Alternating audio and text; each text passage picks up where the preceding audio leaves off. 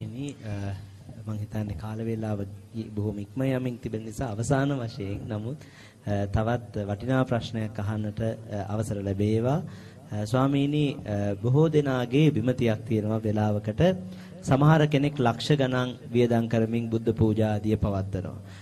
ආහාර පූජා පවත්වනවා. අද දවසේ මෙතන වුණත් මහා මල් පූජා පැවැත්වෙනවා. ලක්ෂ ගණන් මං හිතන්නේ වියදම් කරලා. කෙනෙක් හිතනවා ඇයි ලක්ෂ ගණන් පූජා වියදම් කරලා බුද්ධ පූජා ගොඩ ගහලා විසික් කරන්නේ අසරණයින්ට ගිහින් කන්න දුන්න නම් හොඳ නැද්ද?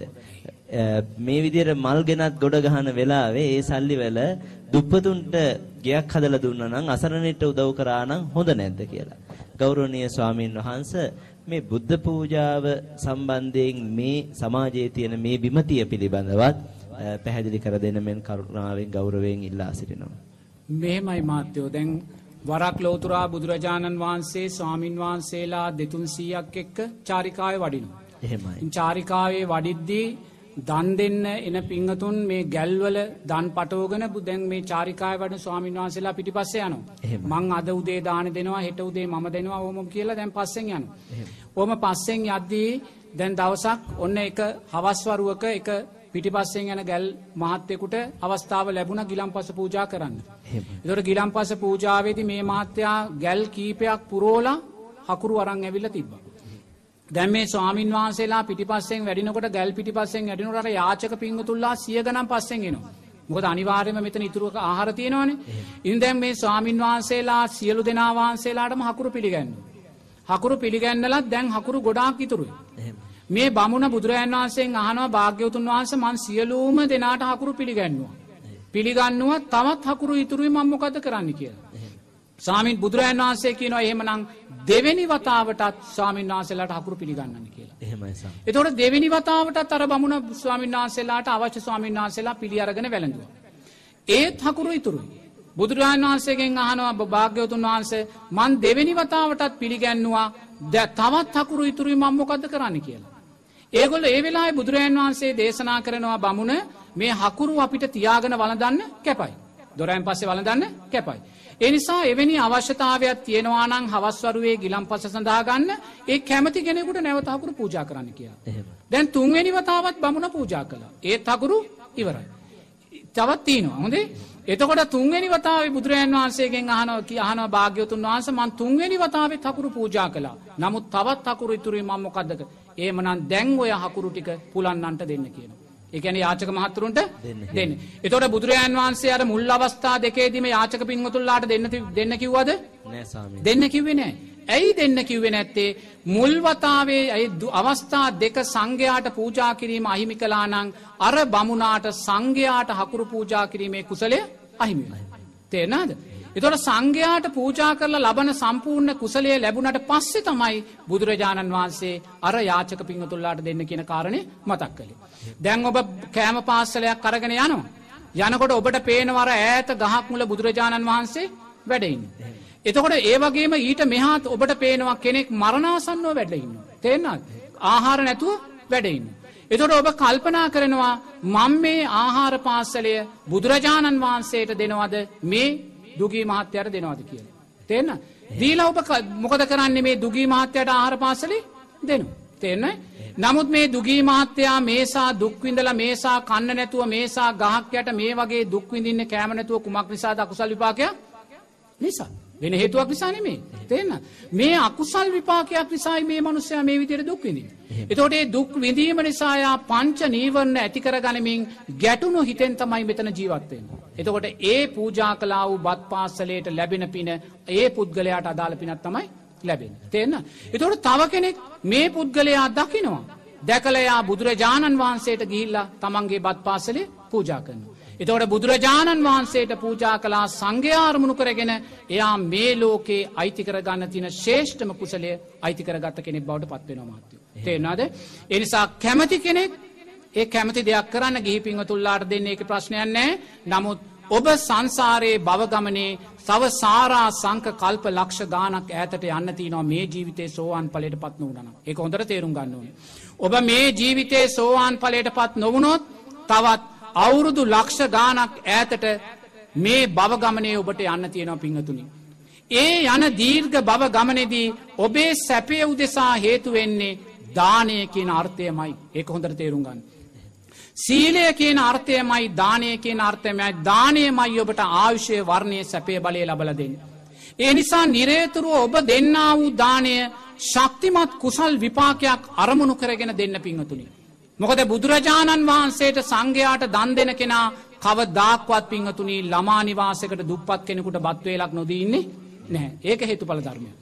යමෙක් බුදුරජාණන් වහන්සේ අරමුණු කරගෙන දන් දෙනවනං සංඝයා අරමුණු කරගෙන දන් දෙනවනං ඒ දන් දෙන කෙනා කවදාක්වත් ස්තිරිසන් සතකුට බට්ටිකක් නොදී ඉන්න. කෙනෙ බනිස්කෙටියක් කිල්ලුවොත් නොදී ඉන්න ඒ අපි තේරුම් ගන්න ඕනි. දැන් ඔබ ගමනක් යනවා. ගමනක් ඇද්දී ඔබට පේනවා යාචක මහත්තෙක් ඉන්නවා. දැම් මේ යාචක මහත්තයා මරණාසන්නවා ඉන්නේ. දවස් හයකින් හතකින් කාලනෑ මහා ඉඩෝරයක් මුකුත්මාහාරයක් නෑ. නමුත් ඒ වෙලාවේ මේ මහත්තයාට බත් පාසලයක් ලැබෙනවා. ලැබුණ වෙලාවේ මේ මහත්තයා බත් පාස්සලේ කනෝ. කනවෙලාවේ මෙතෙන්ට ස්වාමින් වහන්සේ කෙනෙක් පිණ්ඩපාත වඩිනවා. පිණ්ඩපාතය වඩින වෙලාවේ මේ මහත්තයා කල්පනා කරනවා මන් සුමානකින් කෑවෙ නැහැ. මට මේ ලැබුණු බත් පාසලේ මනං කාටවත් දෙන්නේ නෑ. අහක බලාගෙන මේ මාත්‍යයා බත් පාසලේම කනවා අර ස්වාමින් වහන්සේ දානයන ලැබී යන්න දන් දුන්නද නැහැ. එතවට දැන් අර යාචක මාත්‍යයා බත් පාසලේ කාල බඩපුරෝ ගත්ත. නමුත් බඩපුරෝ ගත්තත් ආයිමත් හවස්වරුවේනකොට බඩකිනියෙනවා ආහාරනෑ මේ මහත්තයා කුසගින්නේම බඩකින්න දරාගෙන මැරෙන. තෙරනාද දැන් කුසගින්නේ මැරිලා පංචනීවන්න යට දරාගෙන මැරිලා කුසගින්නේ ගැටි ගැටි මැරිලා මේ මහත්තයා ගිල්ලා පනුකුලේක ආහාරයක ඉපදෙන්න්න වූ පනුවෙක් වෙලා ඉපදෙන. දැම්මකොද කළේ? බත් පාසලේ ලැබුණා. බඩ පිරෙන්න්න කෑව ස්වාමින් වහන්සේට දුන්නේ නෑ. මැරෙන වෙලාේ ගැටන හිතෙන් මැරිලාර කේක් ගෙඩියක නැත්තං අර ආහාරයක පනුවෙක් කියලා උපත්තියක් ලබනු. තවත් යාචක මහත්තෙක් ඉන්න. එයත් දවස් සතකින් කාල නෑ. එයත් දැම් මරණාසන්නවා ඉන්නේ. එයා මරණාසවන ඉන්න වෙලාවේ එයාටත් අරමහත්‍යයාම ගෙනල බත් පාසලයක් දෙනවා. මේ මාත්‍යයා බත් පාසලේ දිගාරිනකොටම අන්න අර ස්වාමීන් වහන්සේ ආයිමත් පව්වදා පින්ඩ පාති වඩින ඔයාළඟට. වඩින වෙලාවේ මේ මහත්තයා කල්පනා කරනවා අනේ මම දවස් සතක් කුසගින්නේ ඉඳලා මට මේ කුසගින්නේ වේදනාව දරාගන්න බැරිනං මේ ස්වාමීන් වහන්සේත් කුසගින්නේ ඇති මට මැරුණත් කමක් නෑ මං මේ බත් පාසලේ ස්වාමීන් වහන්සේට පූජා කරනවා කියලා පූජා කරනවා සංඝයාරමුණු කරගෙන. දැඟයා බත් කෑවද කෑවද කතා කරන්න බත් කෑවදයා තමන්ට ලැබුණු බත් පාසලේ පූජා කළ. බත් පාසලේ පූජා කරලා ස්වාමීන් වහන්සේ බත් පාසලේ අරම් පින්දීල වැඩම කලා මොහොතකින් මේ මහත්තයා මිය පරලවයන. මිය පරලව යන වෙලාවයාට සිහිපත් වෙන්නේ අර ස්වාමීන් වහන්සේට පූජා කලා උබත් පාසලේ. ඒ ස්වාමීන් වහන්සේ රහතන් වහන්සේ නම. ඒත් ඒ අත් මහත්තයා දන්නේ නැහැ. එතවල් බලන්න සංඝයා අරමුණු කරගෙන රහතන් වහන්සේට බත් පාසලේ පූජා කිරීම සිහිපත් වෙනකොටම සස්ත්‍රීක දිව්‍යතලයක සස්ත්‍රීක දෙවියෙක් වෙලා ඉපදෙනවා. දැම් බත් පාසලේ කාපු මනුස්සයටමකදුනේ පණුවෙක් වෙලා ඉපදුනා. බත් පාසලේ දන්දුන්න කෙනාටමකදුනේ සස්්‍රීක දෙවියෙක් වෙලා උපත්තිය සකස් කරගත්තා. එනිසා පිංහතුල්ලා නිරේතුරුව දකින්න ඕනේ තමන් කනවාට වඩා දන් දෙන බත් එක දන් දෙන ආහාර පාසලේ ප්‍රතිඵල වැඩි පින වැඩී පිංහතුනි. තමන් කනවට වඩා දන් දෙන දේ ප්‍රතිඵලය වැඩි දන් දෙන දේට වඩා දන් දුන්නා වූදේ විදර්ශනානුවනින් දකිද්දී එහි ප්‍රතිඵලය තවත් වැඩි භාවට පත්වෙනවා. එනිසා නිරේතුරු ඔබ දන් දෙද්දී බුදුරජාණන් වහන්සේ බුද්ධ වන්දන බුද්ධ පූජාවන් සිද්ධ කරන්න නිරේතුරුව බුදුරජාණන් වහන්සේ උදෙසා මලින් සුවඳින් ආලෝකෙන් පූජාවන් පවත්වන්න බියවෙන්න එපා පිංහතුනි. මොකද සංසාරය ඔබ මේ ජීවිතේ සෝවාන් පලට පත්වෙන් නැත්තං ඔබානි වාර්යෙන්ම පින තුළ ශක්තිමත් වෙන්නම වෙනවා. සීලය තුළ මෛත්‍රිය තුළ ඔබ ශක්තිමත් වෙන්නම වෙනවා. එනිසා ඔබ බුදුරජාණන් වහන්සේ ඉදිරියේ පිංහතුනේ මල් ලොරි ගණන් ගොඩ ගැහුවත් ඒ මල්වලට අදාළව සංස්කාරයන් ඔබට සංසාරයේ ලැබෙනවා මයි සැපයන් හැටියට. එනිසා මොනම අවස්ථාවකවත් අනුන් කරන පූජාවක් උදෙසාවත් ගැටෙන්න්න යන්න එපා. ඔබ අනුන් කරන පූජාවන් උදෙසා ගැටුනොත් අනුන් කරන පින්කන් නිසා ඔබ අකුසල් කරගත් අවාසනාවන්තයෙක් බවටයි පත්වවෙන්නේ. ඔබ දකින්න මේ මෝතේ ඔබ දඹදිව වන්දනාවට ගියොත් ඒ දඹදිව වන්දනා ප්‍රදේශවල කොයි සානං දුප්පත් දුක්කිත ජීවිතදේ මනුස්යෝ ගත කරන්න කියලා. ආහාරයක් නෑ ඇඳුමක් නෑ ජරා වතුර බොන්නේ දූවිල්ල ඉන්නේ මොනසා දුක්කිත ජීවිතයක් දේ මනුස්්‍යයෝ ගත කරන්නේ. මේ මනුස්්‍යයෝ තුළිනුයි අපි ධර්මය දකින්න ඕනේ. මේ මනුස්්‍යයෝ දකිද්‍ය අපි බුදුරජාණන් වහන්සේවයි දකින්න ඕනේ. මේ මනුස්්‍යයෝ දකිද්‍ය අපි ධර්මයමයි දකින්න ඕනේ. මේ මනුස්්‍යයෝ දකිද්දි මේ බුදුරජාණන් වහන්සේ රහතන් වහන්සේලා වැඩහිටි කාලේ ඔය දඹදිව මනුස්්‍යයෝ කලා වූ අකුසල්වල විපාකයම යෝ මිනිසු විඳින්න පිහතුනි. බුදුරජාණන් වහන්සේ ජීවමාන විද්දි රහතන් වහන්සේලා ජීවමාන විද්දි මනුස්්‍යයෝ දන් දෙද්දි ඒ දානය විවේචනය කරලා මනුස්්‍යයෝ පිරිකර පූජා කරද්දියේ පිරිකර පූජාවන් විවේචනය කරලා මනුස්්‍යයෝ මලින් ආලෝකයෙන් සුවඳින් බුදුරජාණන් වහන්සේ සංඝයා පූජා කරනකොට මේවා විවේචනය කරලා මේවා හොරකං කරලා සංඝයාට මානසික හිංසා කරලා ඒවා ඒ අකුසල් විපාකෙනු ඒ දඹදිව මනුස්්‍යයෝ මේ මෝතෙත් අත්විදින පිංහතුනි.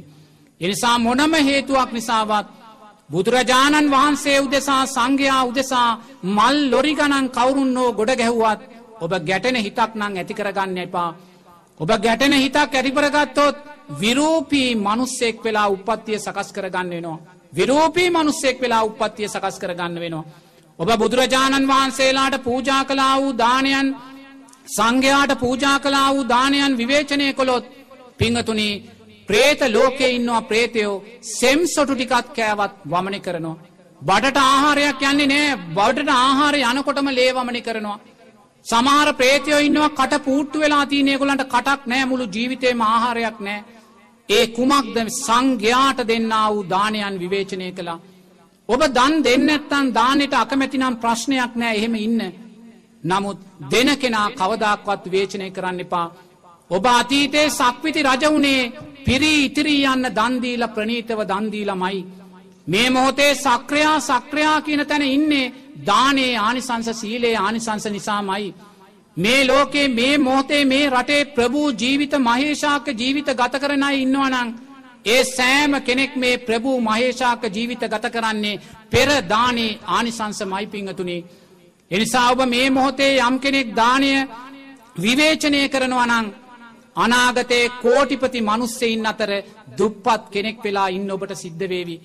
එදා දුප්පත් කෙනෙක් වෙලා ඔබ සමාජ අසාධාරණයට එරෙහිව සටන් කරලා වැඩක් නෑ ඒක හොඳට තේරුම් ගන්න ඕනේ. මේ පෝසත් භාවය කියන්නේ මහේෂාක්‍ය භාවය කියන්නේ දානේම පලයක් පිංහතුනේ. අපි ඊට එරෙහිව සටන් කරලා වැඩක් නෑ ධනපතින් බංගවේවා කියලා වැඩක් නෑ. ධනපතින් බංගවේවා කියන වචන පැත්තකින් තියලා ධනපතියෙක් වීමට අදාළ දානය තුළ ශක්තිමත් වෙන්න අපි දක්ෂ වෙන්න ඕනේ.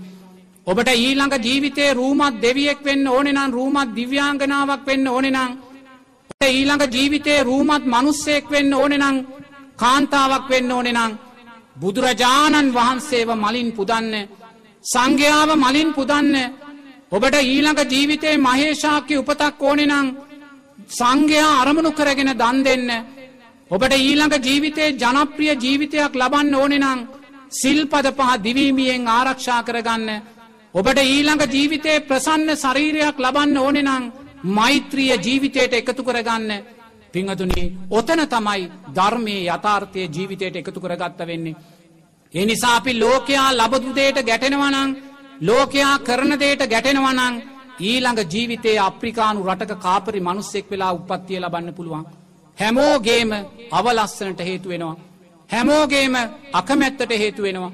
ඒවා හේතුඵල ධර්මයන් පිංහතුනේ එනිසා නිරේතුරුව ධර්මය ගලපගන්න බුදුරජාණන් වහන්සේට පූජාවක් පවත්වද්දියේ පූජාව කොයිසා ප්‍රනීත ශේෂ්ඨ පූජාවක් වුණත් සාදු සාදු කියලා අනුමෝදං වෙන්න දක්ෂ වෙන්න.